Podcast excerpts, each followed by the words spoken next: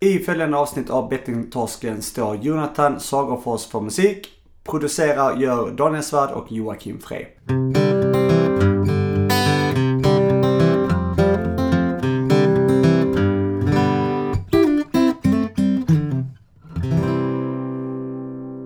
Hallå ja, välkommen till avsnitt eh, 103. Eller var det 173? Ja, det är en bra Det vet man fråga. inte. Nej. Fan, det är, det är många avsnitt nu. Ja. Det är eh, en... eh, Det är många och det är kvalitativt. Det är hög standard, som man säger. Mm. Du vet, man brukar säga så här, jobbar ni med kvantitet eller kvalitet? Både och, svarar vi då. Vi bara, äh, vadå då? Ja. Men eh, hög standard, det är fan hög standard. Känner du till det? ja, det är en låt av Peps Persson. Det vet du. Men det, det jag tänker är att det är så intressant det här för att vi- jäkla entusiasm och, och glädje vi hade där i början. Och eh, det var det ena och det andra och det var frågesport och så vidare. Kommer du ihåg det? Eh, det var så jäkla spännande allting så att ehm, du hade till och med gjort, du hade till och med gjort en quiz till mig eh, om vår egen podd. Så Ja, det narcissiskt. kommer jag ihåg. Det var roligt. jag tänkte på det själv att skulle jag göra en sån grej nu i... Men så tänkte jag nej fy fan vad tråkigt. Va? Det var ju hur kul som helst. Det var ju vår bästa stund. Ja men det var, det, det var ju det jag menade. Det var kul, det, det var kul då. Mhm. Eh, alltså det är fortfarande väldigt kul att eh, hålla på med det. Det är inte det jag säger. Men det känns som att det finns andra saker nu som är roligare än att vara narcissistisk tänker jag. Eller? Jaha. Ja, men jag tror... Ja, man, ja det, men det får man väl hoppas då att det finns en utveckling i det hela. Att vi liksom tycker andra. Men, men jag tror att eh, vi båda har väl kanske vissa narcissistiska drag eh, som gör att eh, det liksom avspeglar sig i podden. Mm. Kanske du lite mer än jag då. Du skulle... Ja, ja, jag? Ja, du ju... Eh, du, Men menar du ju- du menar Joakim? Precis, just det. Joakim Ja. håller inte med. Ja, Nej, men du är ju från eh, Malmö till att börja med. Och det, det blir som det blir då. Och sen så eh, har man ju, ja, du vet vad jag menar. Men så gör, och så gör man ju allting perfekt. Så, så det blir ju liksom... det, är inte så jävla lätt. det är inte så jävla. Det är inte så... Ja, inte så eh, svårt liksom där. Ehm, ja. Det är, lätt, det är ju lätt för någon som gör nästan allting fel och vara väldigt ödmjuk. Det passar sig inte att hålla på. Nej. Ja. Nej, då tänker man bara helvete, lär dig någonting. Eller man bryr, man bryr sig inte, man bara går förbi och Nej. tänker jaha, ja, okej. Jaha, ja. Ja. Och du, jag undrar, jag har inte tänkt så mycket på det här, men eh, sen vi nu har börjat ehm, spela in våra samtal via det här programmet med telefon, så det blir som telefonsamtal. Jag undrar hur, eh, hur känner du att det funkar? Alltså, eh, det är eh, fan, man måste fråga någon. Vi, vi kanske borde ha ett avsnitt där någon intervjuar oss. ja. Så ja vi, men det måste vi ha för att eh, det har vi diskuterat innan och det, det tycker jag faktiskt är dags nu. Ja, narcissismen lever verkligen. Den är inte slut. Ett aha, vild triumf. eh, ja, alltså jag tänkte mer eh, Joe Rogan och de här Stefan större, större podcasterna. Eh, Aha. Ja, ja, ja. Nej, men, eh, nej, men jag tänkte så här att det skulle vara intressant att få frågor om vårt podd, alltså vårt poddande bara. Alltså så här, eh, det här kunde vi kanske gjort som en liten eh, inbjudan till någon som kanske lyssnar på oss om de vill intervjua oss. Mm. Alltså att de får eh, hålla, så att vi har ett eh, samtal och, och så intervjuar de oss. Nämligen, alltså så här. Mm. Och då kanske de ställer intressanta frågor om eh, hur de upplever ljudkvaliteten och att, nej men du vet, om, ja, jag vet inte. De får ju välja själv. lyssnare kanske? Ja men det är det jag menar ju. Ja men att, ja precis att det blir en, eh, en annons nu liksom att du som sitter och lyssnar, om du känner dig manad att eh, köra en, en intervju så eh, får man höra av sig och så får vi hitta någon lämplig. Ja, och helst alltså bara också för att det är så sökkriterier också. Du måste vara bra. Nej, men eh, det skulle helst inte vara någon av, för, jag vet att det är ju ett gäng eh, personer som lyssnar på oss. Eh, det växer ju ständigt. Och, Ja. men jag tänker att många har ju varit med som gäster hos oss. Så jag tänker att de som har varit gäster som har ställt upp med det, vilket är väldigt tacksamt. De, eh, har, de får inte lov att intervjua oss, tänker jag. För att det Nej, ska nej, bli precis. nytt från alla Nej. håll liksom. Det blir lite nytt ja. Ja. Och kanske Eh, helst en kvinna. Så att det blir Ja. lite dynamik. Ja, så det blir, ja, exakt. Så det blir lite, någon form av jämställdhet här i podden. Eh, Mm. eh, En framgångsrik kvinna då. Så att, nej, jag bara. Ja, nej. Eh, det var någonting det ja. Nej men det är jävligt spännande för då kan man ju få höra vad personen tycker om eh, hur utvecklingen har gått. Med kanske ljud och eh, oss och ja, jag vet inte. Mm. Något spännande. Det kan ju vara något intressant de vill veta om oss som inte vi varit personliga nog att prata om. Ja. Eh, det blir flummigt det här men ja, du, du fattar va? Mm. Jag tror det. Mm. Ja, men det är, en, det är en spännande idé. Det kör vi på. Så nu har den gått ut då, annonsen. Ja, Så Eh, att, eh, och sk- skriv ett ta- Skriv ett mail mm. till, mail, till mailadressen. skicka ett brev. Ja, Nej, nej, men, eh, nej, men då kan vi skriva ett mejl till eh, antingen du eller jag. Joakim at bettingtorsken.se med CH, Joakim med CH och Daniel då. Med D. Mm. Ja, ruskigt länge sedan jag kollade min mail faktiskt. Ja. Ehm, det det. Eh, Eller så kan man skriva på Facebook också ju. Vi har ju, Mm. eh, skriver man på den eh, mejlet där eller Messenger eller vad det är. Så kommer det. Instagram. Vi är fruktansvärt snabba. Fruktansvärt snabb. Jag gick in och kollade så har vi en sån svarsfrekvens. Hur snabbt vi återkommer. Mm. Ja, det är bara några sekunder. Sen, Är det det? nej, men jag, jag, jag minns inte vad det stod. Men vi, ganska, jag är ganska snabb. Jag får ju upp det i min mobil. Så Mm. ja, eh, förslagsvis så skulle det varit redan till nästa vecka. Du, du kommer ju till Göteborg. Eh, Ja, jag kommer till Göteborg den 26. Eh, då är jag i och för sig... Eh, jag kommer redan den 25 faktiskt. Sent, sent på kvällen. Okej. Sen är det den 26. Jag åker dit lite också för att eh, ja, du, du fyller år kan vi säga. Ja. Inte den 26 utan den 30 Ja.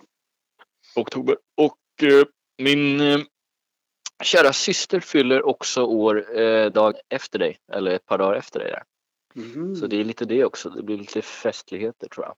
Oj, oj, oj. Vi får se vad de har ordnat inte, för mig. jag ska inte bjuda på fest. Jag ska bara få presenter. Så skit i Ja. Nej, det där, jag har faktiskt inte planerat så långt. Men, men vi ska i alla fall intervjua en del här. Så att eh, Ja. det hade varit passande där den 27-28 ju. Om någon eh, som lyssnar här vill eh, ställa upp. Mm. Mm. Ja, verkligen. Det är kul.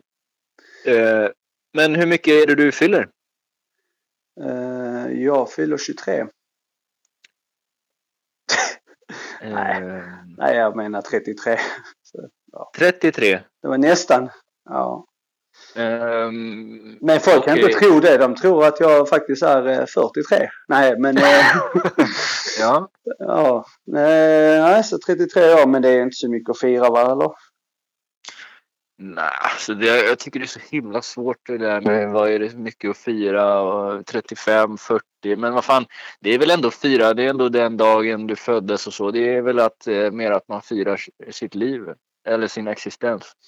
Ja, det är Om man nu är glad i, i det eller så har man lite ångest för det och vill inte fira så här. Men det är olika. Ja, det, där, det datumet är inte mitt, mitt fel. Det är min mammas och pappas problem. Ja, att jag ja, kom är det. då. Att jag- man kanske borde egentligen... Eh, ska vi fira? Ska det dem man ska fira egentligen? Eh, nej, det är de folk ska skicka klagobrev till. ja, just det. Ja, Eh, eh, nej, jag vet inte. Det blir väl något. Kanske en eh, middag. ja. Eh, du är inte bjuden. Nej, vad skönt för jag hade lite annat den dagen. Ja. Så att det var fullt där. i- Men du, ska vi, komma, ska vi komma någonstans här? Vi har ju en gäst med. Eller vill, vill du prata om någonting? Jag känner att jag har faktiskt inte Jag känner mig... eh, Alltså, jag känner mig lite, ja, jag vet inte, snacksugen. Eh, fast jag har väl inget direkt eh, så att ta upp eller ja, sådär. Nej, du hade ju några, du hade ju en cliffhanger från förra veckan eh, för de som lyssnar på det avsnittet. Och eh, den tar du ju inte nu utan det tänker du väl kanske ta när vi eh, har vårt egna avsnitt eh, nästa vecka. Ja, spontant vet jag inte vad du menar, men, eh, men det kommer jag göra nästa vecka. Okej, Så jag, jag minns. lite. Jag minns. Det, det, har, har något med, det, har något, det har något med kyrkan att göra. Kyrkan. Och fotboll och så här. Jaha, okej. Tror jag. Ja, det blir skitspännande att höra på det. Du kan berätta för mig sen vad det var så, så kör jag det. Ja, det är bra. Men du, fan vi har en, eh, en gäst som har jagat med, eh, Ljus och lykta. ja, faktiskt. Eh, Och, eh, och han var ju en av dem som vi hade skrivit ner för. Alltså han, ja det är ju pro, professorn. Han är i alla fall den, ja han är den som är, eh, den som har, va, hjälp mig. Kom igen. Han heter Anders Håkansson. Ja, han har en men- profess, professur i... Professor, så är det ja. Han forskar om spelberoende. Professor, så är det. Ja, vi ska sluta babbla här så vi får lyssna Ja. på Anders istället, eller? Han är doktor, helt enkelt. Och, Han- ja, så gör vi. Och eh, jag tar, jag tar eh, fanan den här veckan och eh, eh, tar in honom då. I, I värmen. Ja, Är du beredd på det? kör. Anders Håkansson i Bettingtorsken.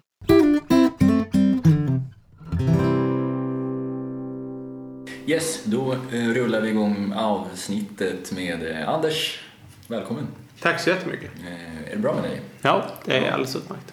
Underbart. Jocke, Ja, tjena. du är pigg? Jag är pigg. Pigg och glad. Du med?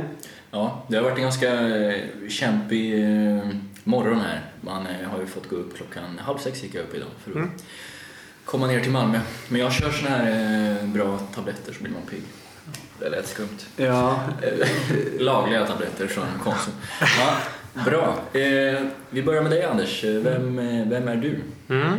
Jag är, om vi tänker jobbmässigt, och det är säkert det du tänker på, så jobbar jag framförallt som forskare på Lunds universitet och med fokus på beroendesjukdomar och sen några år tillbaka på spelberoende specifikt då. Och eh, i övrigt så jobbar jag på Beroendecentrum i Malmö det, med, med patienter som läkare då träffar patienter med huvudsakligen patienter som söker för spelproblem. Mm. All right. Men eh, vi brukar också fråga lite grann utanför eh, jobbet. Ja. ja. kul att du sa det då. Men Ja. eh, förutom det, vad pysslar du med? Ja, vad gör jag annars? Jag tränar ganska mycket. Jag, eh, jag förfallet jag har familj, Mm. gift och två, två barn i skol, skolåldern. Ehm, eh, och allt, allt vad det innebär. Ehm, sen har jag eh, eh, ja, stor, stort idrottsintresse, stort intresse för sport, eget utövande i, i motionsformatet och, eh, Mm. och andras så att säga. Så att, eh, Mm. Ungefär så. Försöker koppla av med lite fritidshus och lite trädgård och lite andra saker som inte är så, eh, så mycket dator och skärm och Okej. böcker och papper och så. Mm. Så får jag fråga hur gammal du är? Jag, är, jag fyller 40 om eh, några veckor. Okej, för du ser väldigt eh, ung ut alltså, så här, eh, tycker jag. Ja, men, faktiskt. Det Jag, beror på, jag på det beror på vad man väntar sig. Liksom. Jo, jo, men, eh, ja, men jag tänkte för man, vi känner ju väl till dig liksom och så här, eh, vi har ju velat ha med dig som gäst länge. Ehm, och så har du ju forskat i det där fruktansvärt länge idag i just spelberoende. Och så tänkte jag, fan, du ser ju ung ut. Jag får inte fatta riktigt. Nej, jag, Men jag, jag förstår vad du menar. Man, när Ja. man läser vad du har gjort och gör så tänker man sig kanske att det är någon som är mycket äldre. Ja. Exakt. Jag kan väl säga att jag hamnade tidigt, när jag läste min grundutbildning till läkare så hamnade jag tidigt i, i ett stort intresse för beroende och då var det inte spelberoende och då var det också mycket, mycket mindre på tapeten. Så att jag, även under studierna så hamnade jag tidigt i att jag gjorde uppsats, skrev uppsatser när man fick det om narkotika och i viss mån alkohol. Och började jobba med det direkt efter. Då fick jag också forska direkt efter att jag tog examen egentligen. Så att därför så har det väl liksom gått att, gått att hinna med relativt mycket på, på några Ja, för år. du är väl Sveriges första eh, forskare, nej? Kan man säga det? Om spelberoende? På det här området? Nej, jag är inte den första forskaren men jag är den första som har en professur. Just det, så var det. eh, Ja, så, som är skriven så, så att den verkligen handlar om detta specifikt. Så att, Mm. eh, det står ju till och med i min, min tjänstetitel som professor så står det att jag ska jobba med detta. Mm. Det tror jag inte att någon har haft, haft det så tidigare. Sen finns det ju, det, finns ju en forskning sen tidigare också på spelberoende. Mm. Sverige är till och med ett av de inte så många länder som har jobbat med spel som forskningsämne. Mm. Eh, framförallt andra forskargrupper då sen, sen tidigare. Mm. Eh, Det kanske betyder något specifikt att man säger att det finns en professur. Det är ju ändå en, en tjänst så att säga som det skapas en viss, en viss eh, aktivitet kring och det Mm. kanske är en, ett, ett visst extra fokus. Men nej, jag är inte den första. Nej, för man tänker när man läser så, så tänker man att du är jäkla gammal, men det, är du inte. Mm. Men eh, då går vi på ämnet eh, direkt då. Och då är det så här, undrar vi, varför spelar man? För nu så här, den här frågan har vi ställt till många, men Mm. du kanske är är bäst lämpad att svara på den. Ja, det är inte alls, det är inte alls säkert att jag är, kan man säga. Men om jag får, från mitt perspektiv så tänker jag att man spelar om pengar därför att det är en av de saker som den mänskliga hjärnan liksom upplever som belönande.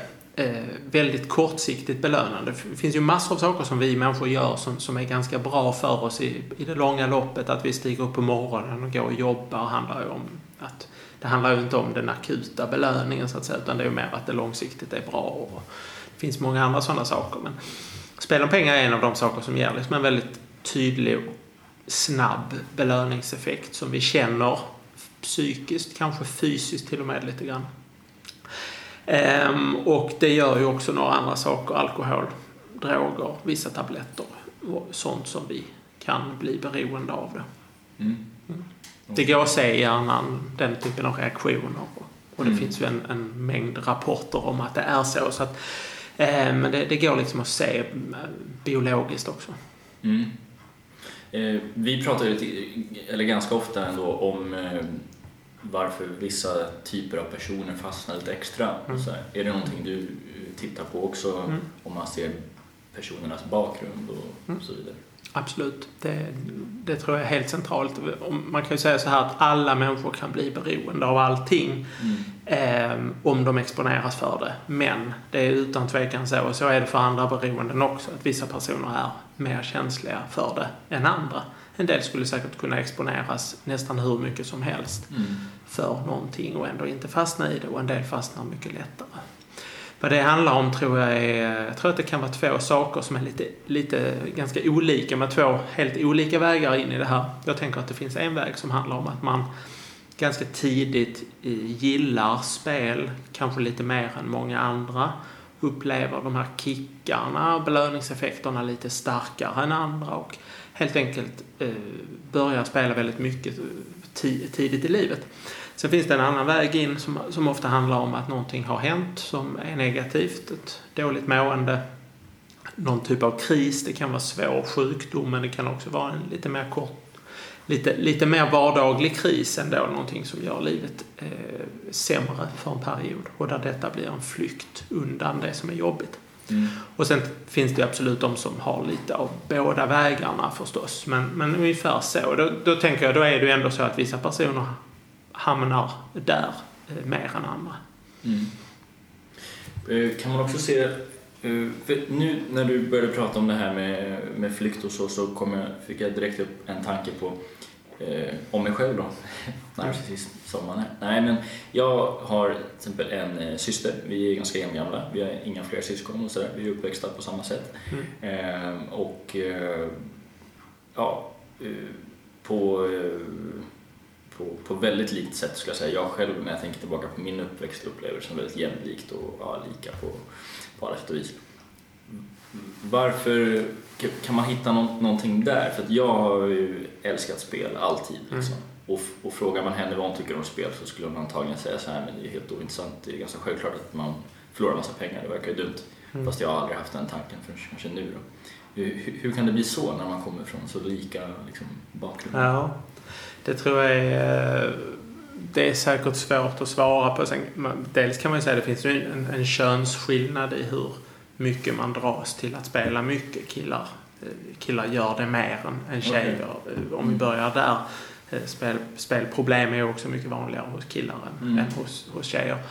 Ehm, men eh, sen tror jag att det är svårt att, att säga något generellt om varför det blir så. Vi, vi, vi är ju trots allt, även om man är syskon och även om man lever nära varandra på många sätt så är man ju, man delar ju inte alla, alla egenskaper. Jag tror, att många, jag tror att jättemånga föräldrar kan se i sina barn, om man har två eller flera barn, att man kan säga att man har olika egenskaper. Man är lite olika benägen att testa saker, benägen att, att eh, experimentera med, med risker eller att eh, liksom eh, ja, i, i lek eller i, eh, i eh, vad det nu än är, intressen man utvecklar så är man ju ändå lite olika. Och det, Mm. det är nog svårt att, att eh, säga något mer specifikt än så om det. Mm. Jag har en intressant eh, fråga här om, eh, tycker jag, om eh, du pratar ju om det här med barn, att man är barn och så kommer man in, eller man växer in. Jag till exempel växte in och spelade i i spel väldigt tidigt, Mm. I ålder.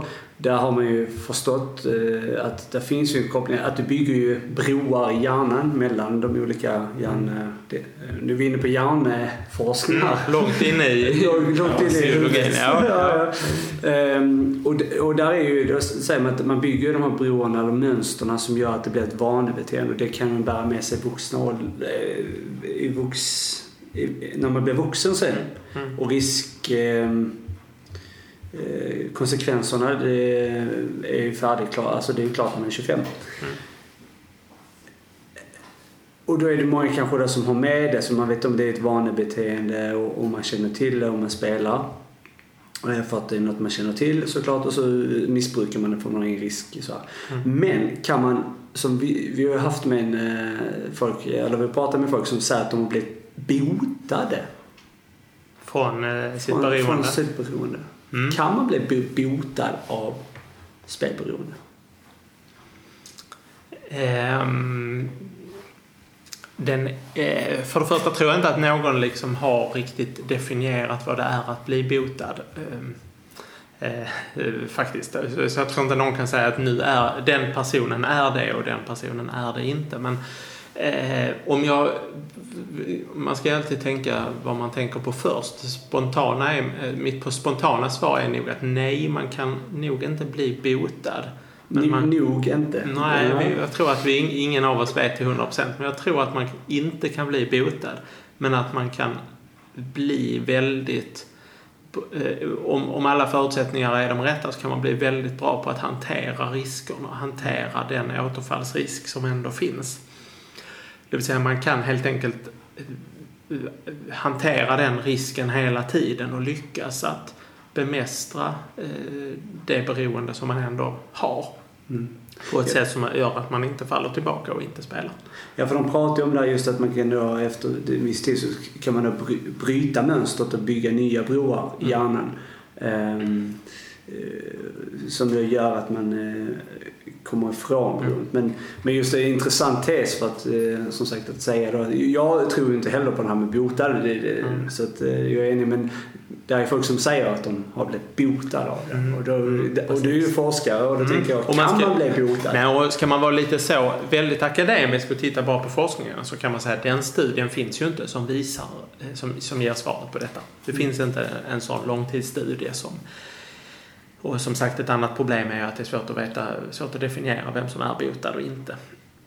Eh, det är likadant för andra beroenden. Det är kanske likadant med andra, andra typer av ohälsa, depression till exempel skulle man mycket väl kunna tänka sig att man att den går över men eh, man är fortfarande en individ som är mer sårbar än andra för att falla tillbaka. Jag tror att det är likadant här. Att, att har, man, har man fallit in i det som vi sätter diagnos på och kallar beroende då, är det, ju- då har det nått upp till en ganska svår grad. Ehm, Då tror jag att man, man har en fortsatt väldigt stor risk att falla tillbaka dit jämfört med andra som aldrig har varit beroende. Eh, Och den risken går nog aldrig att säga att den är, nu är den noll. Liksom, nu är personen helt, helt utan risk. Ja, för att du, vad jag förstår då så tror du ju på att man ska gå på eftervård i kanske hela livet då. Ja, det, det är ju inte säkert att, eh, att man behöver jobba med detta väldigt länge eh, måste ju inte innebära att man måste gå till någon, att man måste ha en aktiv behandlingskontakt och så.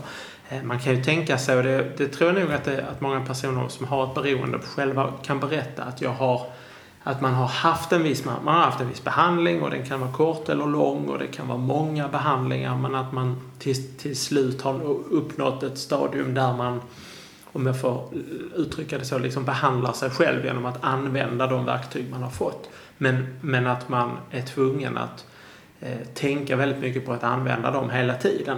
Mm. Många berättar ju att de, de, när de släpper garden liksom och tänker att nu är, det nu, nu, nu är nog allt okej.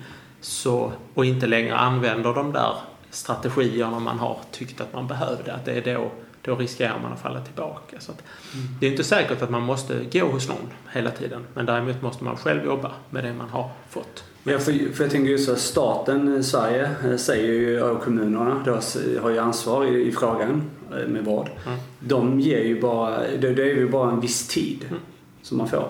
Och sen ska man ju då vara botad eller... Ja, nej det, det, det, det där är, det är en bra, jättebra poäng du har där därför mm. att det är, ett beroende är svårt.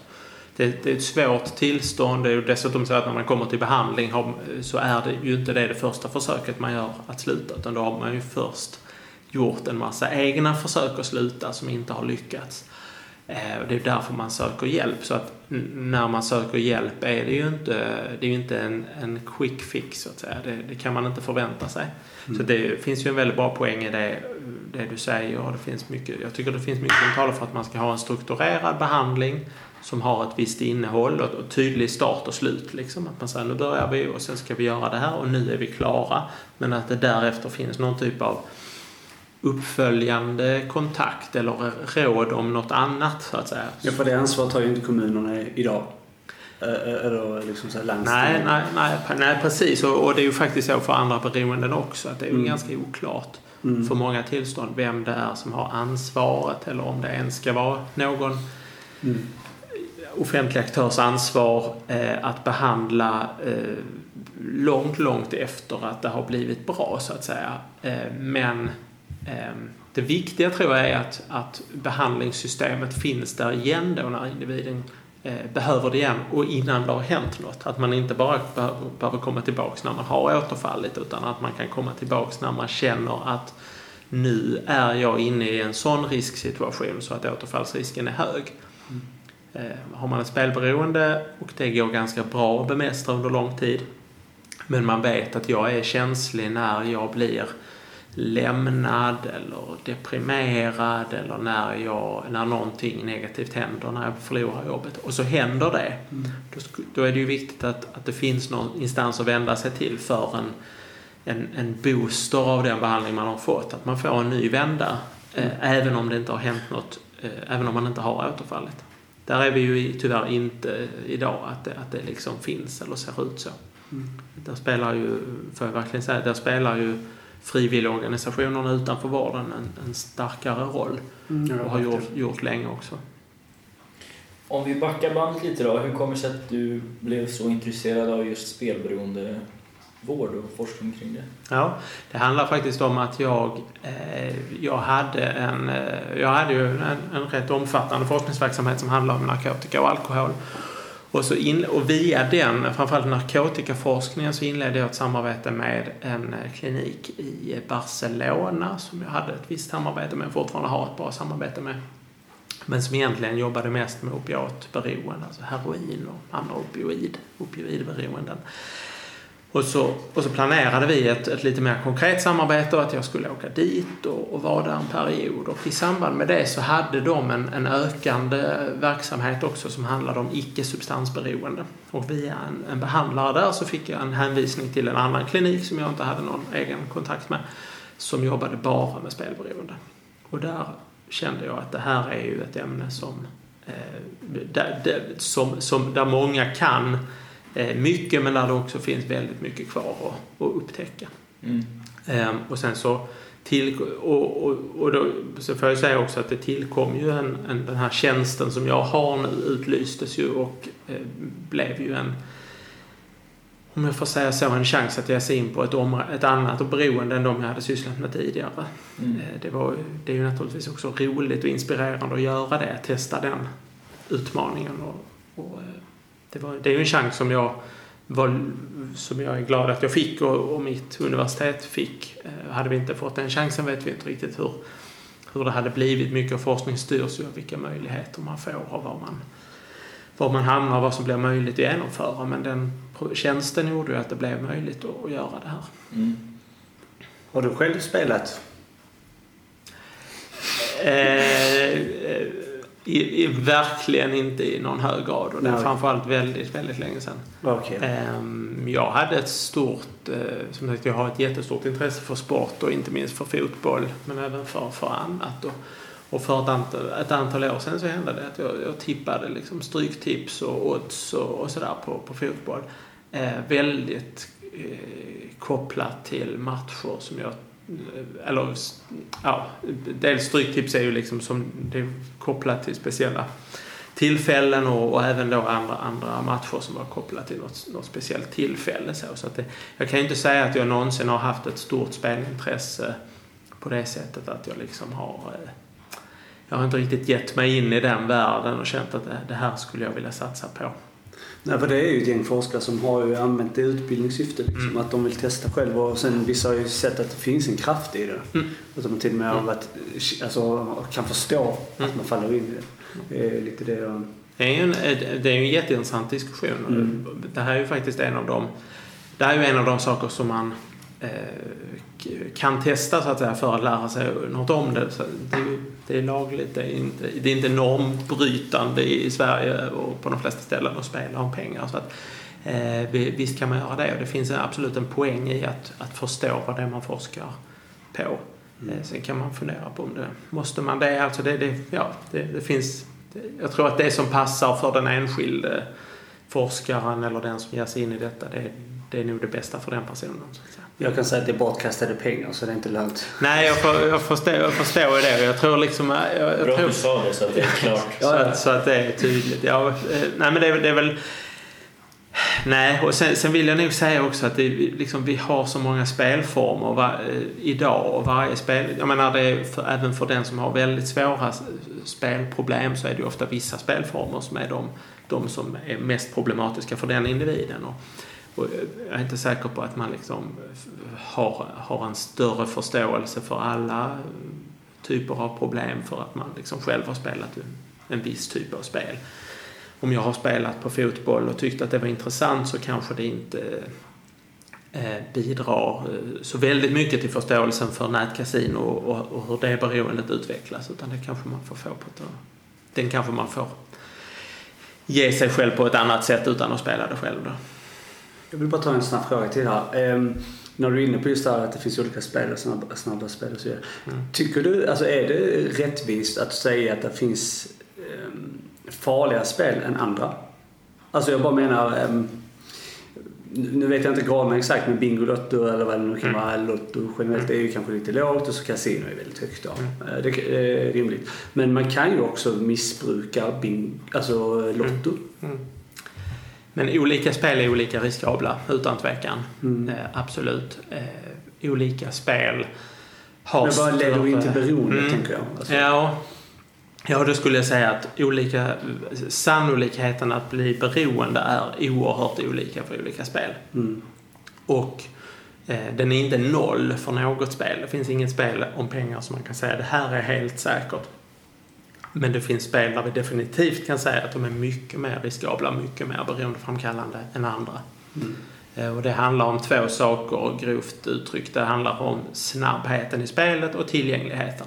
Mm. Något som går snabbt och något som finns där när som helst så att säga. Både när man, är, när man vill och när man inte vill och när man är sårbar och, och så. Det, det är de som är mest riskabla. Ja, för jag tänker just så du kan utvecklas. Vi säger då en fotbollsmatch är då i 90 minuter. Det är ju inte så långt. Eller det är ganska lång tid om man Mm. jämför med ett snabbt. Men i den här 90 minuters matchen så kommer jag ha mer spel i den matchen och då blir ju det ett snabbare spel. Definitivt. Så det, det, det är också, Mm. eh, där kan man säga att inom fotbollsvärlden, att spela på vem som vinner en match som är 90 minuter lång och som man kanske har planerat en tid. Vi vet att det ska vara Champions League-match och jag är intresserad av den och jag spelar på vem som ska vinna den. Det spelet är ju då fortfarande mindre riskabelt än de här många och repetitiva spelen under matchen som är Men snabbare. det är nog fortfarande en match i en genre. Precis, trots att det är samma genre och Mm. trots att det är samma, samma match så är det olika spel som är olika riskabla. Absolut. Hur ser en, en eh, vanlig dag ut på ditt arbete just nu? Ja. Eh, Den består av att, att eh, en del av min tid så träffar jag helt enkelt patienter som söker, som kommer från hela Skåne och söker Beroendecentrums mottagning för spelberoende. Det är en del av mitt jobb och det gör jag på vissa dagar och, och delar av dagar därför att min tillvaro är blandad mellan olika verksamheter. En en stor del är att planera forskningsprojekt, eh, genomföra forskningsprojekt och skriva ihop eller handleda andra i att skriva artiklar eh, som mm, slår fast vissa, vissa forskningsfynd från de projekt vi har. Så att vardagen är en blandning av patientarbete, möten, eh, handledning av studenter och doktorander eller, eller möten med andra forskningsmedarbetare och att delvis faktiskt också sitta själv och räkna på statistik och skriva artiklar och skriva ansökningar för nya projekt. Mm. Är det något nytt, eh, apropå forskningsfynd nämnde du. Mm. Är det någonting som är nytt som du tycker att folk borde veta om som kanske inte är sådär jätteallmänt känt? än? Ja, jag tror... Vi, för några dagar sedan så kom vi ut med en artikel som, som visar eh, sam, den psykiatriska samsjukligheten hos personer som under de sista 12 åren har fått spelberoende, spelberoende diagnos i Sverige. Eller från 2005 till 2016. Och vilka, alla de har spelberoende som diagnos. Och artikeln visar vilka diagnoser de också har. Att många har Många har en typ av psykisk ohälsa av någon, i någon grad, all, men alla har det inte. Och det är ju jätteviktigt att säga att de, båda de grupperna finns. Men kanske det viktigaste fyndet i den artikeln, eh, om jag får säga det själv, det är att kvinnor med spelberoende har högre samsjuklighet än män. Det vill säga kvinnor har mer av psykisk ohälsa när de, när de är spelberoende jämfört med män som är spelberoende. Det är ett viktigt fynd. Eh, Det finns andra, andra viktiga saker också. Jag tycker att vi har lyckats visa att man i, eh, i de vårdformer i samhället där man jobbar med andra tillstånd, till exempel alkohol och narkotikaberoende eller, eller olika psykiatriska tillstånd, så måste man ta in som rutin och fråga om spel. Därför att gör man det så kommer man att hitta eh, inte så få personer som har problem med spel också. Det finns en tendens, och den gäller oss alla eh, som jobbar med vård, det finns en tendens att jobb, fråga mest om det vi eh, gör själva, så att säga, och det vi ska göra på den, på, i, det, i, i, i, hos den, den enheten där jag sitter. Liksom. Det vi, vi är bäst på att prata om det vi är bäst på, helt enkelt. Eh, Men det finns en, en, ett stort behov och jag tycker att vi har själva kunnat visa att man, man måste fråga om andra saker också för att kunna hjälpa patienten till rätt ställe för det. Mm. För det är ju väldigt intressant med samsjuklighet eh, här. För att det- jag har ju pratat eh, med andra också om det här just eh, eller, jag tänker så här, hur forskas det på? För att samsjuklighet tar man ju oftast fram som en fråga. Och det är just för att var ska den få vård? Psykiatrin eller det? det så, Mm. så man kan, ja men typ vi som spelar kan uppfatta det som att man skyller på varandra. Ja, kan man det. säga. Mm. Men det är frågan då. Frågan är ju liksom att var det spelberoendet som ledde till en samsjuklighet? Mm. Alltså du hade spelberoendet först och sen fick du depression. Mm. Den är ju väldigt relevant. Hur mycket forskning är det kring detta? Ja, det, det är jätterelevant i vilken ordning det här kommer. Mm. Absolut. Jag håller helt med dig. Jag håller också med dig verkligen om eh, att intrycket blir tyvärr att vi, vi slåss lite grann mellan olika subspecialiteter i vården om eh, vem som ska ha hand om det här, alltså vem, vems tillstånd som var det första. Det är en helt irrelevant och, och inte så produktiv eh, fight mellan verksamheter utan det bästa Mm. är ju att, att hjälpas åt kring samma människa som, Mm. har, som har mer än ett problem. Att man samlas kring individen istället för att skicka individen mellan, mellan oss. Um, nej men, men det är rätt, det är en helt relevant forskning och det man får göra där och, och ehm, det är inte, det, det, dels är det inte alldeles enkelt att, komma fram till vilket som kom först ibland. Mm. Uh, men man får försöka vara metodisk. Vi försöker vara så metodiska vi kan där kring att titta på tidssamband. Helst inte bara beskriva att den här, de här, så här och så här många individer har två problem utan att också beskriva hur, i hur många fall kom det ena först och det andra sen. Eh, för det är vi väldigt medvetna om från andra beroendetillstånd också, att, att det, det, ser olika ut och båda, eh, båda vägarna finns. Så det skulle jag nog säga att vi är rätt medvetna om och försöker diskutera i på ett Ja, för det måste ju vara väldigt svårt liksom, tanke på det här att eh, alltså börjar man spela väldigt tidig ålder. Mm. Så, så vet man inte, då, då, har man ju egentligen börjat introduceras till eh, ja, någonting som kan leda till en samsjuklighet sen. Alltså då är det så här om man då gör en psykodynamisk, eh, alltså det är just det hur man kan få, psykodynamisk kan du inte få vård av via, om man då har spelberoende som, som en Nej, sjukdom. det, det, Utan då får du KBT eller något ja, liksom. ja, uh, och då har du inte rätt till den vården. Nej. Uh, men det är ju kanske det man behöver för att jobba med spelberoendet. Ja. För att det började tidigt. Ja, det kan, det kan absolut vara så.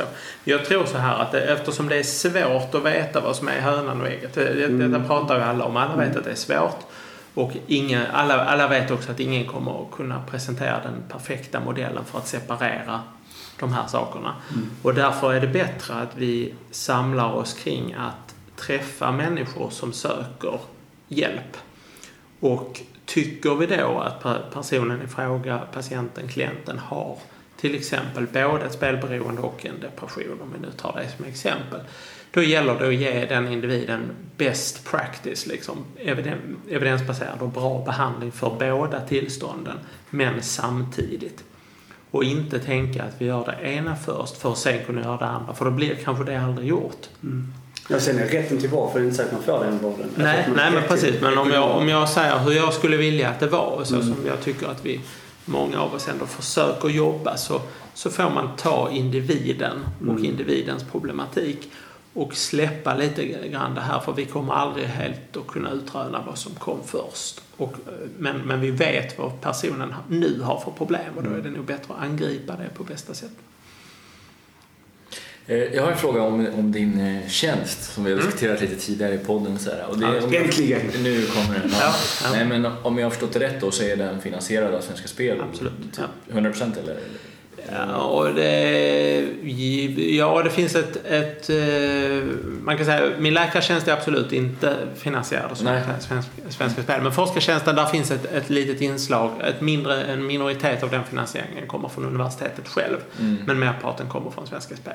Ja. Så är det. Eh, Är det ett problem tycker du? Det, det är något som är viktigt att fundera kring. Mm. Det kan jag säga. Jag, jag tycker... Jag tycker så här att Svenska Spel är ett bolag som ägs av, av staten och som därmed eh, gör saker och, och, och, och, följer, och förhåller sig till regler som staten har bestämt. Det vill säga staten har möjlighet att ändra på uppdragsbeskrivningen till Svenska Spel om man vill det. Men en del av den, det uppdrag eh, de har är ju att, att eh, bedriva spel eh, men inom vissa ramar och att göra det på ett ansvarsfullt sätt och att, och att förebygga eh, spelproblem genom det sätt som man arbetar. Och en, en del som man har valt, eh, ett sätt man har valt att göra det på är ju att stötta forskning Dels genom det, det forskningsråd de har som, som oberoende av bolaget granskar forskningsansökningar och delar ut pengar till, till forskare. Det är det ena sättet. Och det andra sättet är att man har eh, valt att, att eh, sponsra, om jag får säga så, då, ett universitet i, i landet med en, en sån här professur. Mm. Och det är den som jag har då. Eh, Så när du frågar om det är ett problem så kan man ju säga nej, jag, eh, eh, om jag, om jag måste svara ja eller nej på det så tycker jag att det är, det är inte ett problem om man förhåller sig till det och känner att jag jobbar för, för, för eh, den goda saken så att säga. Att jag, jag jobbar hela tiden i en riktning som handlar om att bättre hitta, förebygga, behandla och följa upp eh, spelberoende. Mm. För det, det är ju... Jag ska bara dra Ja, för jag tänkte bara det här med trovärdighet så om du ska lägga Ja, nej, men jag, är, jag måste bara säga jag är själv kluven liksom, för Mm. att det är ju väldigt goda nyheter att du har den tjänsten du har. Och jag brinner för den här frågan och många med mig gör ju det. Och eh, det är ju fantastiskt att det finns någon som jobbar på heltid liksom, Mm. med det. Eh, samtidigt som, precis som du var inne på Jocke, med trovärdigheten blir ju eller jag tycker att eh, den måste ifrågasättas Mm. och det är ju inte liksom dig som person så utan det är bara oavsett vem det hade varit så måste man ju ställa frågan. Mm. Eh, för vi har ibland, vi har haft också gäster, vi hade någon som hade lämnat in någon ganska stor forskningsrapport som också spelbolag, ja vi har varit med om det tidigare och då, då känner jag direkt så här, jaha Mm. okej, vad, vad har kommit fram och vad har Mm. de filtrerat och, och så vidare. Så, där. så att, Ja. eh, det är därför jag ställer frågan. Mm, liksom. och det är bra att du gör det. Och, och för, för jag håller med om att det här måste man förhålla sig till. Som forskare är detta ju detta är en rätt livaktig diskussion inom forskningen idag. Det finns ett antal eh, skäl till att det har blivit så eh, och det är bra. Det finns dåliga saker som har hänt i historien på massor av områden som gör att det har blivit viktigt att prata om sånt här. Mm. Var kommer pengarna ifrån? Var, hur kom den här forskningen till? Mm. Gjorde vi det som vi sa från början att vi skulle göra eller, eller, eller konstruerade vi slutsatserna efter, i efterhand? Så att Mm. säga. All, den typen av transparens har blivit väldigt viktig. Så att det ska, det ska vara tydligt vad man gör, vad man har tänkt att göra och att man sen kan visa att vi, vi gjorde faktiskt också det och kom fram till detta. Mm. Man redovisar det i vetenskapliga artiklar. Jag tycker det är viktigt och, och eh, det är en viktig diskussion som jag tycker att vi har inom, inom forskarvärlden och, och måste, den måste man påminna sig att fortsätta att ha. Mm. Eh, verkligen. Ja, för man tänker ju det liksom att, alltså, jag som står vid sidan om och tittar på det här liksom, så säger man jaha okej, så tänker jag, ja, så forskar du och gör ett kanonjobb. Alltså, du, du får ut all information all, och så tänker man att då sitter det någon som har finansierat, nej det här kan vi inte ha med för det skadar liksom vårt anseende. Alltså det här blir ju inte bra för då, ja, vad det nu kan vara. Framförallt nu också, nu är det väl extra viktigt tanke på att licenssystemet, för nu har ju de Svenska Spel framförallt har ju också möjlighet att bedriva kasino nu, alltså Mm. nätkasino. Vilket gör att det blir ju ännu farligare spel, vilket är ännu viktigare för forskningen nu då. Att det ska vara korrekt liksom. Och där tycker jag, det, jag tycker det är viktigt att säga att Svenska Spel som finansierar Lunds universitet för min professur Mm. eh, är inte med och tolkar resultat, eh, Okej. säger någonting om vad de... Eh, de, de är inte med och, och de, de säger inte att det här resultatet eh, tycker inte vi är bra. Alltså de, de så det är inte lönt att hålla på med konspirationer här borta. Nej, nej, nej. Men, men det är bra att du frågar. Jag kan säga flertalet forskningsprojekt, alltså man, man svarar mot sitt universitet och mot, mot det vetenskapliga samhället som granskar det man gör. Så, man, så jag svarar inte mot Svenska Spel i, i vilken forskning jag har kommit fram till och vad jag har gjort för fynd. Utan man, merparten av, av projekt jag har är ju Svenska Spel inte på något sätt involverade i. Eh, Sen, sen ska jag säga att vi har ju också projekt som hand, forskningsprojekt som handlar om metodutveckling, som handlar om att titta hur ska ett eh, i detta fall ett statligt bolag som Svenska Spel agera. Vad är bra sätt att upptäcka spelberoende? Vad, vi- vad finns det för bra sätt att hjälpa personer som är på väg in i det? Och då är ju Svenska Spel med eh, som aktör eftersom det är de som är aktören som vi, som vi ska titta på så att säga. Eh, Så då är de det, men i andra projekt är ju inte... Det är inte så att jag, jag, jag får forskningsidéer och jag och mina med- medarbetare får forskningsidéer och sen genomför vi dem om vi kan det. Och då frågar vi, så vi frågar alltså inte Svenska Spel längs vägen där, kan vi göra så här eller är detta ett resultat vi kan presentera? Det, det finns inte. Men, För- men eh, sku, jag, måste bara ställa för jag kommer glömma den känner jag. Mm. Mm. Skulle man kunna... Eh, finns det en teoretisk möjlighet att eh, man kan göra på, på något annat sätt? Mm. För jag tänker så att nu har ju som, som du sa, Svenska Spel öppnat kasino Mm. och det vet vi alla att det är... Ja, det är- eh, Ja, de har Ja, men eh, det finns en sån plan. Ja. Ja, det är inte uppe och rullar. Jag hörde Nej. det. Nej. Det finns en sån plan, som jag sa. Och, eh, nej, men så här, och det vet man att det är, är livsfarligt. Liksom. Och då kanske i framtiden då så får ju du och, och många andra Mm. indirekt sin lön från, ja men det blir så här, Mm. att du, du hjälper jättemånga människor och samtidigt Mm. inte för att, eh, ja så det blir, snurrar liksom bara Mm. en eh, konstig men cirkel. Eh, ha- Men diskuteras det att man ska helt utelämna till och med Svenska Spel, för att du var inne på så att de Mm. är i statens regi och de tar sitt ansvar och så. Fast, och det gör de säkert i många fall, fast i många fall inte. ju. Det finns det någon som har blivit spelberoende såklart via Svenska Spel också. Ja. Det jag menar med att de ägs av staten är ju att då, då har ju staten egentligen en möjlighet att förändra Svenska Spel om staten vill Mm. det. Så kan man ju säga. Ja, det är så. Eh, Och det kan man ju inte göra med ett bolag som staten inte äger. Nej. eh, helt enkelt. Mm. Ehm, nej, men ehm, om, ja, om det finns ett annat sätt att organisera det på. Ja. Ja, alltså man kan säga Systembolaget eh, gör likadant med alkoholforskningen. Man har ett forskningsråd och man eh, finansierar en professur. Svenska Spel gör likadant Mm. med spel. Ehm, det säger kanske lite grann om att i de här branscherna så har man inte sett att det har varit eh, funnits forskning i tillräcklig mängd på något annat sätt. Mm. Alltså det, det här är, man ska komma ihåg också att beroendesjukdomar är inte, det är inte någonting som finansierar sig själv. Det, det är egentligen ett ganska litet forskningsområde jämfört med eh, väldigt många andra sjukdomar. Vi har ju stora folksjukdomar, cancer och mycket forskning som Mm.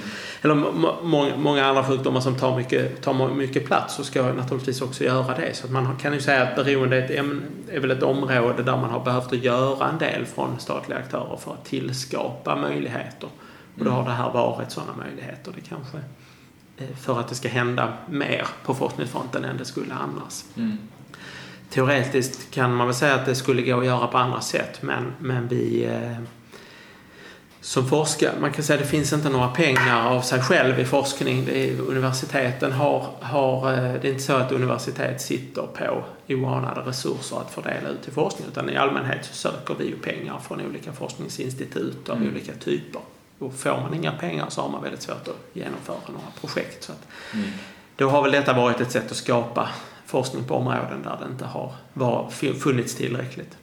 Och Det känns ju liksom spontant som att det borde ju vara mer ekonomiska medel i det här. Jag tänker på att, alltså inte- nu säger jag inte att man inte ska forska på cancer för det är klart att man ska göra det. Det är också eh, väldigt viktigt. Alltså all, allt, men just att samhället i Sverige, stora delar av den ekonomiska samhällsproblematiken är ju beroende.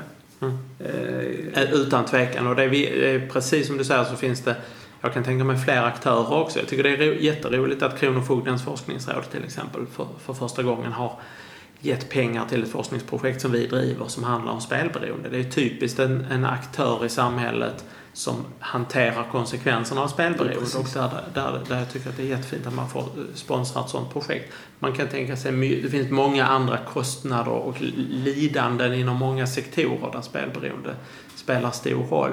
Eh, Man kan, ja, man kan helt enkelt tänka sig många aktörer som ja, borde ha det, ett det intresse av att polismyndigheterna Absolut. kanske allt vad det kan vara försäkringsbolag, Ja, det kan ja, vara eh, hela arbetsmarknadens parter så att säga. Alltså, det finns ju ett enormt bortfall av, från personer som, som inte kan jobba på grund av det här lidandet. Eller som, som, eh, och där, där det finns en, en absolut skäl att, hjälpa till. Förstod jag det rätt om du vill lägga ner cancerforskningen nu? Nej, jag sa inte, men Ja, okej. såklart. Ja. Det är ju jätteviktigt. Eh, Men eh, en fråga som jag skulle ställa eh, för en timme sedan, men Daniel tog den framför mig. Nej, han tog inte min fråga, men min fråga var i alla fall så här. Har du fått, för vi pratar om Svenska Spel, har de utländska spelbolagen också hört av sig med att de vill att ni ska forska i ämnet? Jag får tänka efter. För det är ju med att de vet ju Ja, om nu att det, ska, att det kommer bli ett licenssystem så att det är ja, väl, eh, inte kanske i... dags att... Nej, ja, nej, men det, det kan jag inte säga. Jag, tror, jag kan inte säga att jag har fått något eh, riktigt erbjudande om det. Så, Mm, nej. okej. Jag tror inte att eh, någon riktigt För jag tänker, ju kanske förväntar börjar- sig att jag ska nappa på det. Nej, nej, men jag tänker just att det närmar sig liksom licenssystemet där i nästa år så borde ju, de ska ju också ta ansvar då. Mm. Och då borde ju de också, Mm.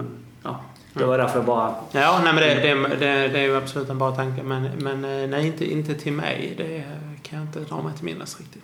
använder ni mycket också eh, podcasten Bettingtorsken i forskningen? Eh, det här blir en svår fråga att svara på. nej, det Alltså jag, ja, tyckte jag. ja, det, Jag, jag har hört det innan Du dig till ett, ett, ett ja där. Så att säga. Eh, nej, men man, man kan säga om, om, jag, om forskningen och, Anna, och andra aktörer på spelberoendeområdet kan göra att många fler pratar om det här som ett ämne, som ett problem, som någonting man kan hamna i och så vidare. Och där er podcast eh, bidrar och där jag hoppas att min forskning bidrar och så, då tycker jag att det är ett jättebra resultat. För det här är ju ett område där vi har gått från en alldeles för liten diskussion i det allmänna så att säga. Eh, inte bara att det har fattats behandling och att det har varit för lite forskningsartiklar utan det har liksom inte blivit, hamnat på tapeten och inte varit eh, kring köksborden på samma sätt som vissa andra typer av sjukdomar. Och då tycker jag att, och det är utan tvekan så att den här typen av, av liksom med exponering i det offentliga rummet är, är bra Mm. eh, på alla sätt. Jag tänkte med att man får ju följa min och Daniels resa så man kan ju liksom forska hur... Nej. Eh, narcissism. Ja. Ja. Eh, vi ska inte ta i, inte vet att du måste rulla iväg här, men vi får kanske ses igen någon gång. Det kanske dyker upp några mer forskningsfynd. Ja, det, vill det hoppas jag. Det, vi, försöker, vi, vi försöker vara aktiva. För jag tänker forskningen är inte till för, för att vi ska skriva artiklar bara. Utan den är ju till för framförallt att den ska nå ut. Mm. Vi har ett, på det sättet ett tacksamt ämne där det finns ganska goda möjligheter just nu i Sverige att, att liksom konkret säga att så här tror vi att man ska göra. Mm. Det finns mycket som inte är gjort. Och, Mm. eh, många verksamheter som idag också eh, det har varit eh, nu eh, både tisdag, torsdag och fredag har jag varit i olika, olika landsting och föreläst för eh, landstings och kommunal eh, personal. Mm. Och det har tillkommit för att vi har den här driven kring spelberoendefrågan som vi har eh, i år. Mm. Eh, och det känns jättepositivt. Så att vi, ehm, ehm, ja, vi, vi återkommer gärna och vi försöker vara så kommunikativa som möjligt när det gäller Mm. vad vi kommer fram till. Så du är ute kan man säga och förbereder kommuner och landsting för att nu, hur de ska hantera det här nu när de Mm. är ålagda att hjälpa till? Det är en av de centrala sakerna vi har gjort det sista året. Det är att vi har träffat, eh, nu har vi träffat väldigt många kommuner, väldigt många Mm. landsting. Eh, och andra aktörer också. Viktiga, viktiga aktörer som inte bara är behandlare utan som, Mm. som kan vara skolhälsovård, de kan vara, det kan vara frivilliga organisationer av olika typer. Mm. Och det kan man ju säga att jag, jag har, eh, det här fältet har inte haft sådana här eh, hel och halvdagskonferenser som ges av olika statliga eller andra myndigheter för, för mängder av personal. Det, det har inte det här fältet haft Ja. tidigare i den här utsträckningen. Så det är mycket här nu som, som händer i positiv riktning. Eh, Det handlar nog väldigt mycket om att, att eh, lagförändringen som kom först i första med socialtjänstlagen och hälso och sjukvårdslagen och det handlar lite grann om den spelmarknad som, som förändras nu. Mm. Eh, Men det handlar också om att, att frågan är uppe. Många, många tycker att det är ett spännande område som de vill lära sig mer om. Men då tycker jag att det är det tänker jag ger ganska mycket hopp när men, eh, många behandlar professionella som har jobbat innan med andra tillstånd Mm. eh, frågar mycket om detta, vill lära sig om spelberoende och vill, vill eh, alla, alla måste inte jobba specifikt med det men många Mm. behöver lära sig lite mer. Det tycker jag är, det, det, det är en, en hoppfull trend. Ja, det är bra. Va? Ja, nej. Nej, det är bra att ni är ute. Jag har varit ute och föreläst. Vi har ju varit och föreläst på samma seminarium. till och med det. Ja. Jag ska bara säga att jag fick, tyckte jag fick svar på min nästa fråga, vad som är i pipen framöver här. Ja, så så ja. kör du. Så. Okej. Ing- Du har inga mer Nej. intressant? Nej. Eller alltså, eh, Ja, visst. Anders måste åka. Jag vet. Eh, vad har du, vi brukar ställa som sista fråga. Vad har du att rekommendera oss i livet? Det behöver inte handla om forskning eller spel eller spelberoende. Det bara en generell rekommendation. Det var ju den svåraste frågan Ja. av alla. De andra har lämnat jättebra.